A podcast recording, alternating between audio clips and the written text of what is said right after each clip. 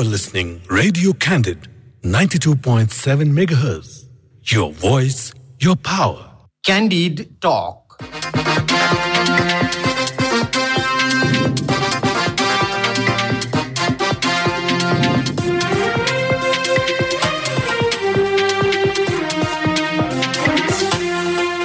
नमस्कार क्यान्डी टकमा तपाईँलाई स्वागत छ। म धीरज बस्नेत। रेडियो क्यान्डिडको प्रस्तुति कार्यक्रम क्यान्डी टक तपाईँले शनिबार बाहेक हरेक दिन बिहान साढे छ बजेबाट सात बजेसम्म आधा घन्टा सुन्दै आइरहनु भएको छ।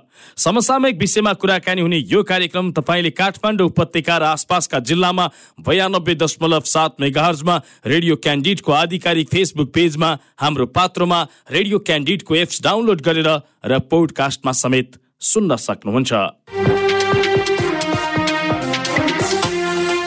मङ्सिर चार गते हुने संसदीय निर्वाचन जति नजिकिँदैछ सत्ता गठबन्धनभित्र सिट बाँडफाँडको क्रम उति नै पेचिलो बन्दै गएको छ।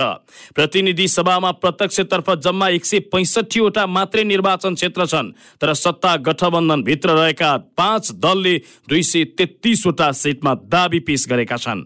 हिजो बसेको गठबन्धनको बैठकमा दलहरूले पहिलो पटक आफ्नो दावी पेश गरे पनि निर्वाचन क्षेत्र भने खुलाएका छैनन्। हिजोको बैठकमा काङ्ग्रेसले एक सय माओवादीले साठी एकीकृत समाजवादी समाजवादीले चालिस जसपाले एकतिस र राष्ट्रिय जनमोर्चाले दुई सिटमा दावी पेश गरेको छ। दलहरूले यसरी दावी पेश गरेसँगै एक सय पैँसठी निर्वाचन क्षेत्रमा दुई सय तेत्तिसवटा दावी परेपछि अब कसरी मिल्छ गठबन्धनभित्र सिट बाँडफाँडको कुरा। अझै केही त्यस्ता नेताहरू जसमा खास गरी माओवादी एकीकृत समाजवादी र नेपाली काङ्ग्रेसका शीर्ष नेता र प्रभावशाली नेताहरूको निर्वाचन क्षेत्र जुधेको छ। यस्तो अवस्थामा कसरी हुन्छ व्यवस्थापन? कि के ती नेताहरू आफ्नो निर्वाचन क्षेत्र छाडेर अन्यत्रबाट लड्न तयार छन्? सिट बाँडफाँडको जुन पेचिलो स्थिति छ र नेताहरूको व्यवस्थापनको जुन अवस्था छ आज हामी यो विषयमा विशेष कुराकानी गर्दैछौँ नेपाली काङ्ग्रेसका नेता मोहन बस्नेतसँग। बस्नेतज्यू यहाँलाई स्वागत छ क्यान्डी टकमा धन्यवाद। सबैभन्दा पहिला यो सिट बाँडफाँडको विषय तपाईँहरूको गठबन्धनभित्र निकै पेचिलो भनेर आयो। एक सय पैँसठीवटा निर्वाचन क्षेत्र दावी दुई सय तेत्तिसवटा पुग्यो। कसरी मिल्छ तपाईँहरूभित्र गठबन्धनमा सिट बाँडफाँडको कुरा? अब सबैले आफू आफूले पाएसम्म बढी पाउँ भन्ने चाहना सबैका हुन्छन्। तर बाँडफाँडको कुरा अन्तमा गएर आफआफ्नो गएको स्थानीय निर्वाचन लाई विशेष मापदण्डको रूपमा हेर्नुपर्ने हुन्छ। त्यसपछि आएर आफआफ्नो के छ औकात त्यो अनुसारले दलहरूलाई अब चाहिँ अन्तिममा गएर सहमतिको लागि त्यसरी एउटा आधार तयार गर्छ। आफ्नो दलमा दबावहरू निश्चित रूपमा बढेको हुन्छ। आफ्नो दलले पाएसम्म बढी सिट पाए हुन्थ्यो भन्ने कुरा भइरहन्छ। अन्तिममा गएर मैले फेरि भने आफ्नो जे पोजिसन छ त्यो पोजिसनको आधारमा माग्नुपर्ने हुन्छ। तर यो मापदण्ड र आधार चाहिँ तपाईँहरूको दलहरूभित्र फरक फरक देखियो। जस्तो अब तपाईँहरूले दुई हजार उनासीको स्थानीय निर्वाचनलाई अलि बढी जोडतोडका साथ उठाइरहनु भएको छ भने माओवादी र एकीकृत समाजवादीले चाहिँ खास गरी दुई हजार चौहत्तरमा प्राप्त गरेको सिटलाई चाहिँ आधार मान्नुपर्ने दावी गरिराखेका छन्। यसरी त कसरी कुरा मिल्ला त? त्यो इच्छालाई अन्तर गरेर हुने हो भने त काङ्ग्रेसले फेरि उहाँ पन्ध्र सालमा दुई तिहाई ल्याएको कुरा गरे नि भइहाल्यो नि। दुई तिहाई पार्टीमा हामीले भएर गरे भयो त्यसपछि अब जसले जेसुकै भने पनि अहिलेको जनमत ताजा जनमतको आधार के हो भन्ने कुरालाई अब पहिलो प्राथमिकताको आधारमा राखेर छलफल हुन्छ। अहिले अब टिकट बाँडिसक्ने बेला सुरु भएपछि यसमा अलिकति चाप बढ्छ। त्यसपछि निर्णय गर्न चाहिँ सबै बाध्य हुन्छन्। अहिले मैले अहिले भने जस्तो आफूले पाएसँग अलिक बढी पाए हुन्थ्यो भनेर लाग्ने कुरा त्यो धेरै अस्वाभाविक पनि भन्न मिलेन। नेपाली काङ्ग्रेसले दुई हजार चौहत्तरको निर्वाचनमा जम्मा तेइसवटा सिट जितेको थियो। यसपटक दावी गठबन्धनमा पाँचवटा दल रहँदा एक सय सिटमा दावी गरेको छ। अलिक अस्वाभाविक भएन यो दावी? मैले अहिले भने भने त्यसो भएदेखि काङ्ग्रेसले चाहिँ अडचालिस सालमा पनि बहुमत ल्याएर चुनाव जित्या हो। छपन्नमा पनि बहुमत ल्याएर चुनाव जित्या हो। सत्तरीमा पनि भएको छ। त्यस कारणले गर्दाखेरि चाहिँ अब त्यो पहिलाको कुरा उठाउने हो भने अब कम्युनिस्टहरूले त्यो कुरा उठाउने हो भनेदेखि माओवादी पनि यो देशमा ठुलो पार्टी मात्रै भएको छ बहुमत ल्याउन सकेका छैन। एमाले पनि ठुलो पार्टीको रूपमा आफूलाई प्रस्तुत गरे मात्रै हो बहुमत हुन सकेको छैन। नेकपा भएपछि न अब अलिकता चाहिँ पोजिसन आएको र अहिले चुनाव चाहिँ हामी हिजोका लागि लड्दै छैनौँ। अब तालमेल चाहिँ के हो भन्दाखेरि आफ्ना कम कमजोर भएको ठाउँलाई चाहिँ तालमेल गराएर सिट जित्ने हो। आफूले अब त्यो त्यो त्यो कमजोर ठाउँमा चाहिँ चाहिँ अब कम्युनिस्टहरू विशेष गरी अहिलेको अवस्थामा एमालेलाई कमजोर बनाउने हिसाबले अरू लागेका हुन्। तर चाहिँ यो चाहिँ यो गएको अघिल्लो निर्- निर्वाचनका कुरालाई गर्ने योभन्दा अघिल्लो निर्वाचनको कुरालाई गर्ने हो भने। अब यो तालमेल अगाडि बढ्न सक्ने स्थिति हुँदैन। र त्यसका लागि हुनैपर्छ भन्ने पनि अन्य दलहरूको भावना हो भन्ने मलाई लाग्दैन। र अहिले मैले फेरि दोहोऱ्याएर भने बार्गेनिङ गर्दै जाने बेलामा कसले के भने कसले के भने आफ्ना कुरा छन् तर अहिले अब चुनाव पनि तत्काल हुँदैछ. त्यसका लागि ताजा जना जनमत कसको पक्षमा के छ भन्ने कुरालाई नै हेरेर अगाडि बढ्नुपर्ने हुन्छ नेपाली कङ्ग्रेसले एक सयवटा सिट दावी गर्दै गर्दा माओवादी र समाजवादीका र मधेस केन्द्रीय दलको पनि कुरा गरौँ न उहाँहरूलाई पनि साथमा लिएर जानेसम्म कुरा भएको हुनाले उहुँ। उहाँहरूका केही सिनियर नेताहरूलाई कुनै ठाउँमा एडजस्ट गरिदिन पर्ने कुरा हुन सक्छ त्यो कुरा पनि काङ्ग्रेसको एकलौटी जितेर बसेको ठाउँहरूमा त्यो कुरा सम्भव छैन। र अर्को कुरा के हुन्छ म यो प्रसङ्गमा जान्छु म यो प्रसङ्गमा जान्छु। त्योभन्दा पहिला एक- लाइन थप्न चाहन्छु यो चाहिँ अप्रत्याशित रूपमा भोट चाहिँ जुन पार्टीको त्यो ठाउँमा छँदै छैन त्यो ठाउँमा त्यही पार्टीलाई चुनाव दिँदा गएको चाहिँ स्थानीय निर्वाचनले पनि त्यो परिणामलाई कठिन बनाएको छ। त्यो कुरा चाहिँ ख्याल गर्नुपर्ने हुन्छ। कुनै पनि पार्टीको पक्षमा अब कुनै ठाउँमा माओवादीको एकलौटी भोट कहीँ देखियो वा समाजवादीको त्यस्तो देखेला वा अर्को पार्टीको देखेला वा काङ्ग्रेसको देखेला त्यो ठाउँमा अर्को पार्टीलाई चाहिँ भोट दिन उम्मेदवार दिन थाल्यो भने त्यहाँ चाहिँ कति विद्रोह हुन्छ र चुनावको परिणाम के आउँछ भन्ने विषयमा चाहिँ यो गएको स्थानीय निर्वाचनले पनि अलिअलि सङ्केत गरेका छ। त्यस कारणले जहाँ काङ्ग्रेसको बलियो छ अब त्यहाँ काङ्ग्रेसले पाउनु पर्यो माओवादीको बलियोबाट उनीहरूले पाउनु पर्यो। समाजवादी भयो त्यहाँ पाउनु पर्यो अरू दलले त्यो उनीहरूले पाउनु पर्यो त्यो आधार चाहिँ गएको स्थानीय निर्वाचन हुनु पर्यो भन्ने हो। अब यदि त्यो स्थिति आउँदैन भनेदेखि अब तपाईँले भन्नुभयो भने जस्तो गराउन सजिलो छैन। मैले तपाईँको यो प्रसङ्ग अलिकति जोड्छु तर त्योभन्दा पहिला मेरो एउटा प्रश्न खास गरी नेपाली काङ्ग्रेसले एक सय सिट दावी गर्दै गर्दा कति सिटसम्म झर्न सक्ने सम्भावना छ? तपाईँ त एउटा प्रभावशाली नेता जो चाहिँ निरन्तर रूपमा यस्ता मिटिङहरूमा सहभागी भइरहनुहुन्छ। अब यसको निर्णय गर्ने अहिले वार्तामा जो खटिनु भएको छ उहाँहरूलाई यसको सर्वाधिकार उहाँहरूले नि कहाँबाट निर्णय गर्नु र शीर्ष नेताहरूले गर्ने होला नि? व्यक्तिगत धारणा हो। मेरो व्यक्तिगत धारणा होलाई भन्नुहुन्छ भनेदेखि चाहिँ नब्बे सिटभन्दा तल काङ्ग्रेस आउँदैन। नब्बे सिटभन्दा तल झर्दैन। त्यो मेरो व्यक्तिगत धारणा हो। तर असी मात्र दिने कुरो गरिरहेछन् नि त। गठबन्धनले अरू अरू चार दलले पचासी पाउनु पर्यो। काङ्ग्रेसलाई असीमा चाहिँ असीमा मानिदिनु पर्यो काङ्ग्रेसले भन्ने प्रस्ताव रहेछ। होइन त्यो हो तर काङ्ग्रेसलाई त्यो सम्भावना छैन। अब अघि तपाईँले उठाउनु भएको कुरो। खास गरी निर्वाचन जुन तपाईँले भन्नुभयो जुन दलको जहाँ पहुँच छ जहाँ प्रभाव छ जहाँ कार्यकर्ता छन् त्यहाँ अर्को दलका उम्मेद्वार खडा गरेर गठबन्धन टिकाउन चाहिँ सकिँदैन भन्ने तपाईँको जुन कुरा थियो यो तपाईँले कुन क्षेत्रतिरलाई अलि बढी सङ्केत गर्न खोज्नु भएको क्षेत्र होइन समग्र रूपमा त्यसको देशभरिको कुरा गरेँ।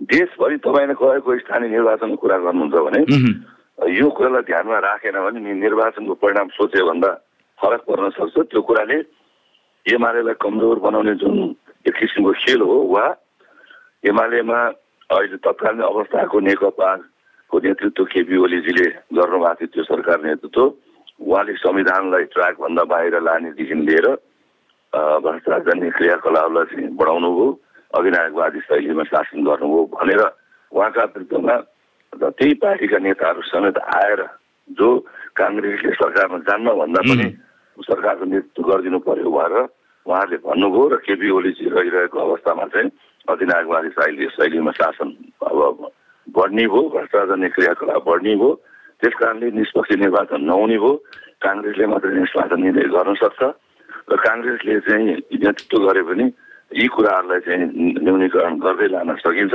त्यस कारण बनिदिनु पर्यो सरकार नेतृत्व गरिदिनु पर्यो भनेर जुन मन्त्रालयका साथ यो गठबन्धन भएको हो त्यो गठबन्धनको लाई चाहिँ जोगाड राख्न सक्ने अवस्था सजिलो छैन।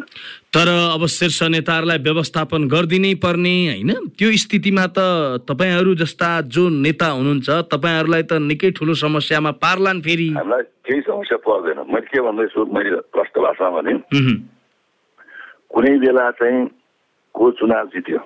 हिजो तपाईँलाई प्रष्ट भाषामा भन्नुपर्दा नेकपा भनेको तत्कालीन अवस्थाको एमाले र माओवादी मिलेर चुनाव लडेको बेलाको परिस्थिति। र अहिले नेकपाभित्रको ठुलो शक्ति एमाले छोडेको अवस्थामा। त्यो भोट एमाले भोट लगाएर काङ्ग्रेससँग गर्न मिल्छ वा अरूसँग लगेर गर्न मिल्छ अथवा चाहिँ यो त्यो बेलामा सबै एकीका भएर चुनाव लडेको अवस्थाको पोजिसन अहिले आएर त्यो त्यही त्यही आडमा बसेर बार्गेनिङ गर्न मिल्छ। यो चाहिँ तपाईँले घुमाएर आफ्नो निर्वाचन क्षेत्रसँग इङ्गित गर्न खोज्नु भएको होला। यो यस्तो भाषाको बार्गेनिङ त नेकपासँग हुनु पर्यो यदि नेकपा र काङ्ग्रेसको बिचमा यो छ कुरा उठेको भए त्यो कुरा गर्न मिल्यो। नेकपा भित्रको शक्तिशाली सबभन्दा बलियो पार्टी नेकपा नेकपा एमाले छुटेर गएपछि त्यही एमालेको भोटलाई लिएर हाम्रो भोट उहाँहरू बार्गेनिङ गर्न पाइन्छ यो त- तपाईँले यो तपाईँले यो कुरा चाहिँ आफ्नो निर्वाचन क्षेत्रसँग लगेर जोड्न खोज्नु भएको हो जहाँ अग्नि सापकोटाले जिते र तपाईँ पराजित म हुनुभयो सुन्नु न म नेपाली काङ्ग्रेसको केन्द्रीय कार्य समितिको सदस्यको हैसियतले मैले कुरा गरिरहेको छु र मैले व्यक्तिगत हैसियतले पनि कुरा व्यक्तिगत भनेको एउटा नागरिक हैसियतले कुरा गरिरहेको छु। अहिलेको गठबन्धनमा हिजोको भाग माग्नलाई हिजो नेक मैले फेरि दोहोऱ्याउन चाहेँ नेकपा हुँदा एमालेको सुध जोडेर माग्न मिल्छ एमालेसँग लडाइँ लड्नुपर्छ अहिले त्यस कारणले एमालेको भोटलाई छुट्याएर एमालेको भोटलाई छुट्याएर गर्न पर्ने हुन्छ यही भाषा भन्ने हो भने एमाले भोट त एमालेसँग छ अब त्यो बेलामा चाहिँ जितेर कोही थिए भने एमालेलाई छुटाउँदाखेरि एमालेको मतलाई छुटाउँदाखेरि कति भोट थियो र मेरो जिल्लाको कुरा गर्नुहुन्छ भने एमालेको मतलाई छुट्याउने हो भने माओवादी तेस्रो हो त्यो बेलामा। अहिले पनि स्थानीय निकायमा तेस्रै हो। है हाम्रो डबलभन्दा बढी भोट छ। र त्यो बेलामा पनि तेस्रो हो। र अहिले नेकपा एमाले त छुटिसक्यो नि। त्यो छुटेको चाहिँ तर अब तपाईँले यसो भने पनि खास गरी गठबन्धनभित्र छलफल कसरी अगाडि बढिराखेको छ भने जसले जहाँ जितेको छ त्यहाँ छोडिदिने र एमाले जितेको ठाउँमा भागभन्डा गर्ने भन्ने कुरा छ त्यसो हो भने त तपाईँको अवस्था के भन्छ त? तपाईँलाई त्यो कुरा भ्रम पर्यो. यदि जसले जहाँ जितेर छोड्ने हो भने त काङ्ग्रेस हिजो तेइस सिटमा झरेका पार्टी अहिले आफै चुनाव एक्लै चुनाव लड्दा पनि ठुलो पार्टी बन्न सक्ने मान्छे यहाँ गठबन्धन लाएर हिँड्छ। गठबन्धन कसैलाई अनुदान दिन लायो गठबन्धनले चाहिँ कसैका लागि केही बनाउँछु भनेर हिँडे हो? आफ्नो जनमत कस्तो छ? जनता माझमा आएको परिणाम के हो? त्यो आधारमा चाहिँ एउटा चाहिँ यो सबै दृष्टिकोणले अध्ययन गर्दाखेरि जनमतको शुद्ध मर्यादा रहने गरी। त्यो गर्ने हो। मैले तपाईँलाई फेरि दोहोऱ्याउन चाहेँ। एमालेको त्यत्रो भोट पाएर पाएर चाहिँ कतिपय ठाउँमा तपाईँले जस्तै म डोटीको कुरा गरौँ। डोटीमा मैले बुझेसम्म समाजवादीको नेताको जिल्लाभरि एउटा वार्ड जितेको छ। अब अहिले हिजो एमालेसँग मिल्दा पो चुनाव जितेको छ त माओवादीको। र मेरो जिल्लामा तपाईँले पटक पटक भन्न खोज्नुभयो। मेरो जिल्लामा अग्नि सापकोटाजीको क्षेत्रमा हिजो उहाँको भन्दा धेरै भोट एमालेको थियो। र अहिले त्यो प्रमाण कसरी गरेको छ भन्दा उहाँ अहिले चाहिँ अब आफ्नो पार्टीले चुनाव लड्नु पर्यो तर कतिपय ठाउँमा अहिले पनि सिन्धुपाल्चोकमा एमालेसँग तालमेल गरेर उहाँहरू चुनाव लड्नु भएको छ स्थानीय निर्वाचन. हामी सिङ्गल लडेका हौँ। हामी त्यसरी लड्दाखेरि पनि लड्दाखेरि पनि हाम्रो अग्निजीकै क्षेत्रको कुरा गर्नुहुन्छ मेरै क्षेत्रको कुरा गर्नुहुन्छ तपाईँले कोट्याइरहनु भयो भन्नुहुन्छ भने चौधवटा वार्डमा बत्तिसवटा वडा काङ्ग्रेस जितेको छ जम्मा पाँचवटा वडा अग्निसाप बराजीको पार्टीले जितेको छ अनि त्यो पाँचवटा जित्नेले बत्तिसवटा जित्ने दावा गर्न सक्छ। सबै पार्टी मिल्दा पनि काङ्ग्रेस सबै पार्टी मिल्दा बाइस हामी एक्लैको बत्तिस। भनेपछि त्यो पनि हामी सिङ्गल लडेका छौँ उनीहरू मिलेर लडिरहेको छौँ वडामा। वडामा नेपाली काङ्ग्रेसले काहीँ पनि तालमेल गरेका छैन। त्यस कारणले गर्दाखेरि त्यो कहाँ आकाश पतालको फरक भोट भएको विषयमा तर तपाईँले यसो। भने पनि नि खास गरी मैले भन्न खोजेको अब अलिकति प्रभावशाली नेता देशको सभामुख भइसकेको मान्छे भोलि फेरि चुनाव लड्न त्यही ठाउँ जाँदाखेरि होइन? व्यवस्थापन गर्नुपर्छ भनेर तपाईँहरूको गठबन्धनमा सहमति भयो भने तपाईँ के गर्नुहुन्छ? सकेसम्म मिलाएर लिएर जाने भन्ने सहमति हो। सकेसम्म भन्दाखेरि तपाईँ प्रभावशाली कुरा गर्नै हुन्छ भने एमाले भोटले प्रभावशाली हुनुभयो चुनाव जित्नुभयो होइन शीर्ष नेतालाई व्यवस्थापन गर्ने भन्दा त सभामुख भइसकेका मान्छेलाई व्यवस्थापन गर्नुपर्छ भन्ने दबाब त गठबन्धनमा हुँदो नै हो हेर्नुहोस्। व्यवस्थापन त समानुपातिक पनि भइहाल्छ नि। व्यवस्थापन हुने त व्यवस्थापन भनेको त्यहाँ चुनावै लडाउने भनेको छैन नि। व्यवस्थापन गर्दै जाने भनेको काहीँ न काहीँ मिलाउने। जन्म बलियो भएकाले चुनाव लड्ने कमजोर भएका समान जाने व्यवस्थापन धेरै भइहाल्छ तपाईँ आफू चाहिँ समानुपातिकमा जान मन्जुर हुनुहुन्न? मैले के म मेरो पार्टीको त्यत्रो जनमत म समानुपातिक कुरा यदि त म समानुपातिकको यो मैले पार्टीको केन्द्रीय कार्य समितिको बैठक पनि भनेको छु। होइन? म यो समानुपातिक म जनताको घर दैलोमा गएर सधैँ जनपक्षीय काम गर्ने मान्छे समानुपातिक भनेर चाहिँ हिँड्न उचित हुन्छ भन्ने मलाई लाग्दैन। त्यसैले हामी सबै जनतासँग क्रियाशील भएर जनताको माझमा हिँडेका मान्छे अब अब त्यो काम गरेका मान्छे जनताकै पक्षमा जान खोज्छ त्यसमा पनि मैले अहिले तपाईँलाई भनिसकेँ। कि अब कुनै पनि अवस्थामा जनमत चाहिँ अब हाम्रो ठाउँमा सबै पार्टी एक ढिका भएर चुनाव लड्दा वडामा। मेरो क्षेत्रमा सबै मिलेर लड्दाखेरि पनि बाइस हाम्रो एक्लै बत्तिस सिट त्यो जनमत भएको पार्टीले अन्यथा कुरा गरेर हिँड्दाखेरि यो प्राकृतिक सिद्धान्तको विपरीत पनि यो त तपाईँले पेश गर्नु भएको आधार भयो। यो महत्त्वपूर्ण कुरा हो। तर पनि मैले भन्न खोजेको कुरा के हो भने यदि पार्टीले वा भनौँ अझ गठबन्धनले निर्णय के गरिदियो भने तपाईँको क्षेत्रमा अग्नि सापकोटालाई नै त्यहाँ लडाउने भन्ने हो भने तपाईँले के गर्नुहुन्छ? मेरो प्रश्न चाहिँ मूल रूपमा हुन्न भने त्यस्तो निर्णय नै हुँदैन। म त्यस्तो निर्णय कुरा मात्रै नगर्नुहोस् कि। देशभरि यस्तो निर्णय भयो भने सबै पार्टीका लागि हितकर हुँदैन। होइन यो स्थानीय निर्वाचनमा त्यस्तो देखिएन धेरै समस्या उठ्यो। र त्यस्ता कुरालाई पनि यो तालमेल गर्ने भनेको अधिकम सिट यो गठबन्धनले जितेर एमालेलाई धेरै कमजोर बनाउने सिद्धान्त हो। तर यसरी एक थरीको जनमत एकलौरी जस्तो भएको ठाउँहरूमा अर्को पार्टीले यसमा चाहे जुनसुकै पार्टी होस् काङ्ग्रेस होस् माओवादी होस् समाजवादी होस् अब चाहिँ मधेस केन्द्रीय दलका कुरा गरौँ सबैका कुरा गर्दा भित्रका दलहरूको बिचको कुरा गर्दा एउटाको अत्यन्तै बलियो भएको ठाउँमा अर्कोलाई चाहिँ दिँदाखेरि जबरजस्ती गर्यो है भन्ने किसिमको आउँदो रहेछ। त्यो भावना पलाउने रहेछ यसपछि त्यो ठाउँको परिणाम चाहिँ अब हामीले पहिलाको चुनावमा देखेका हुनाले त्यसले राम्रो गर्दो रहन्छ र पुरानो हाम्रा कमी कमजोरीहरूलाई सबकको रूपमा सिकेर राम्रो किसिमको तालमेल गरेर जान सक्यो भने निर्णय एकदम राम्रो आउन सक्छ। यदि नआउने त्यस्तो नगर्ने हो भने भोलि समस्या पनि हुन सक्ने देखियो। भनेको तपाईँको भनाइअनुसार यदि परिस्थिति सहज भएन कोही नेतालाई नै व्यवस्थापन गर्नका लागि अर्को जनाधार बलियो भएको पार्टीलाई माइनस गर्ने वा ती नेतालाई माइनस गर्न खोज्यो भने विद्रोह पनि हुन सक्छ। सङ्केत त गर्नु भएको हो। अनि मैले भने गएको निर्वाचनको परिणामलाई हेर्दा त्यस्तो हुँदा राम्रो देखिएन। र र चाहिँ अब सिनियर नेताहरूलाई मिलाउ व्यवस्थापन गर्ने कुरा भने चाहिँ अब समानुपातिक नै हो। भनेको तपाईँहरू जस्ता व्यक्तिहरूले लड्न पाउनु पर्यो अलिकति सिनियर जसलाई व्यवस्थापन गर्नुपर्छ। त्यसो भने तपाईँहरूको पार्टीको रामचन्द्र पौडेल माओवादीको अग्नि सापकोटा होलान् वा अन्य पार्टीका जो छन् तिनलाई समानुपातिकमा राख्नुपर्छ। त्यो पनि होइन। रामचन्द्र दाईको पनि रामचन्द्र दाई मात्र होइन नेपाली काङ्ग्रेसका सारा नेताहरू जो सिङ्गल लाइन चुनाव लडेको हो। माओवादीका नेताहरू अर्थात् अब अहिले समाजवादीकै कुरा गर्ने हो भने पनि उहाँहरू तालमेलमा लड्नु भयो। हिजो हिजो तालमेलमा लडेर एमालेको भोट प्राप्त गर्नु भएको हो। हरेक निर्वाचन क्षेत्रमा एमाले पाएको भोटलाई झिकिदिने हो भने अब त्यसपछि सबैको आफ्नो पोजिसन छर्लङ्ग हुन्छ। अनि त्यही नेकपाको उम्मेद्वार हुने अनि त्यो नेकपाभित्रको सबभन्दा बलियो पार्टी एमाले को भोट पनि यहीँ मिलाएर आफूलाई गर्ने हो भने त के तालमेल हो के सिद्धान्त भयो? अलिकति तपाईँको कुरा नि खास गरी कङ्ग्रेसले चाहिँ कङ्ग्रेसका नेताहरू जसले जहाँ जहाँ पराजय बेहोरेका छन् पराजय बेहोरेको ठाउँमा पनि लड्न पाउनु पर्यो भन्ने जुन तपाईँको आशय छ नि। यहाँ दर्जनौ दर्जनौ नेताहरू थोरै मतले नै हार्नु भएको छ। त्यो एक्लै लड्दा हो।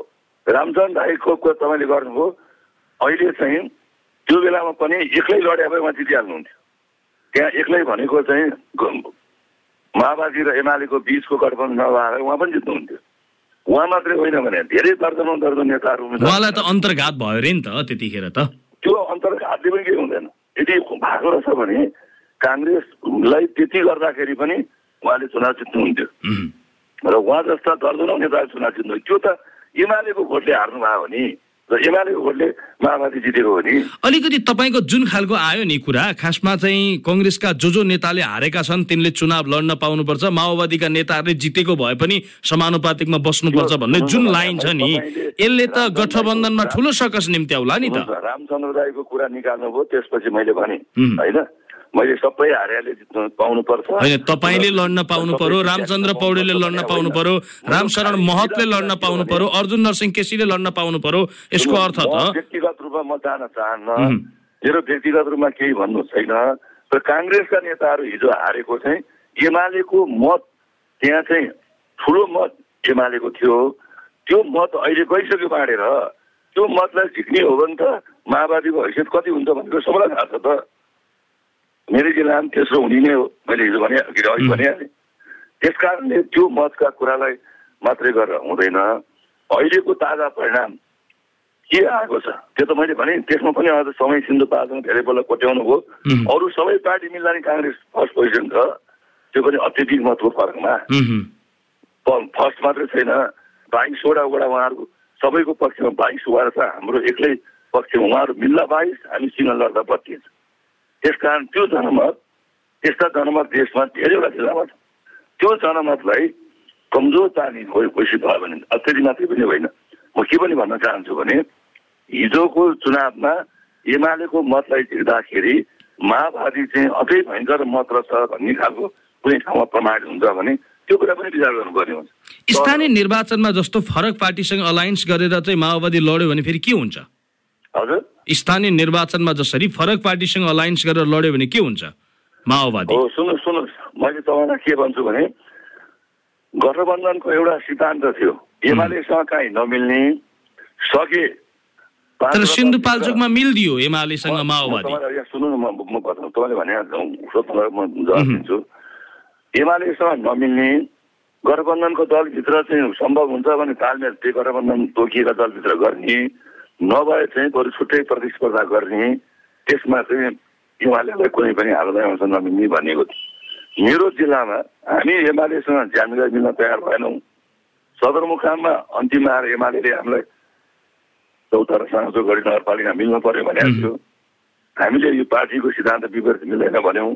तर माओवादीले उडादेखि यो एमालेसँग मिल्दै पनि गयो उडाइदेखि जस्तै उदाहरणको लागि सुनकोशी गाउँपालिकामा एमाले र माओवादीको बिचमा तालमेल भयो। तालमेल हुँदा मा कतिपय वडामा माओवादीले उम्मेदवार दिएन कतिपय उम्मेदवार वडामा एमाले उम्मेदवार दिएन। भने यी सबैले उम्मेदवार समेत मिलाएर पनि चुनाव लडे तर हामी हामी लड्न मानेनौँ हामी मानेनौँ। भनेपछि अब अलि नैतिक दृष्टिकोणले पनि उहाँहरू एउटा सहमति गरेर निर्णय गरेका छ त्यो त्यसको विरुद्धमा जिल्लामा रिजल्ट देखियो। हामी त गरेनौँ। त्यति नगर्दा नगर्दै पनि सबैभन्दा पनि अब अत्यधिक मत हामीसँग छ दुई तिहाई मत हामीसँग छ। त्यस कारणले गर्दाखेरि चाहिँ अब यो एउटा खालि उदाहरण हो। मैले अहिले डडेलधुरा कुरा गरेँ अरू जिल्लामा छ त्यस्ता। त्यसैले तपाईँले यो हार्यो ऊ हार्यो भन्ने कुरा रामचन्द्र राई हार्नु वा कोही हार्यो भन्ने कुरा चाहिँ एमालेको मतले हारेको हो। माओवादीसँगको चाहिँ मतले मात्रै हारे होइन? त्यो कुरा चाहिँ। भनेको यो कुरा गठबन्धनले हिक्का राख्नु पर्यो नत्र चाहिँ गठबन्धन टिकाउन वा यही गतिमा चलाउन गाह्रो छ। गाह्रो हुन्छ। हस् यहाँलाई महत्त्वपूर्ण समय र संवादका लागि धेरै धेरै धन्यवाद। र तपाईँलाई पनि अहिलेको सान्दर्भिक विषयमा केही कुरा राख्ने मौका दिनुभयो। धन्यवाद।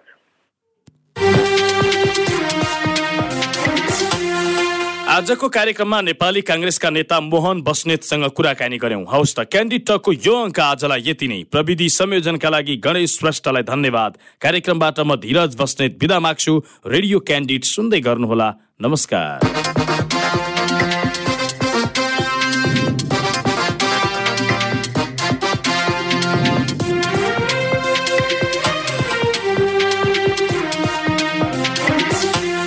Candid Talk.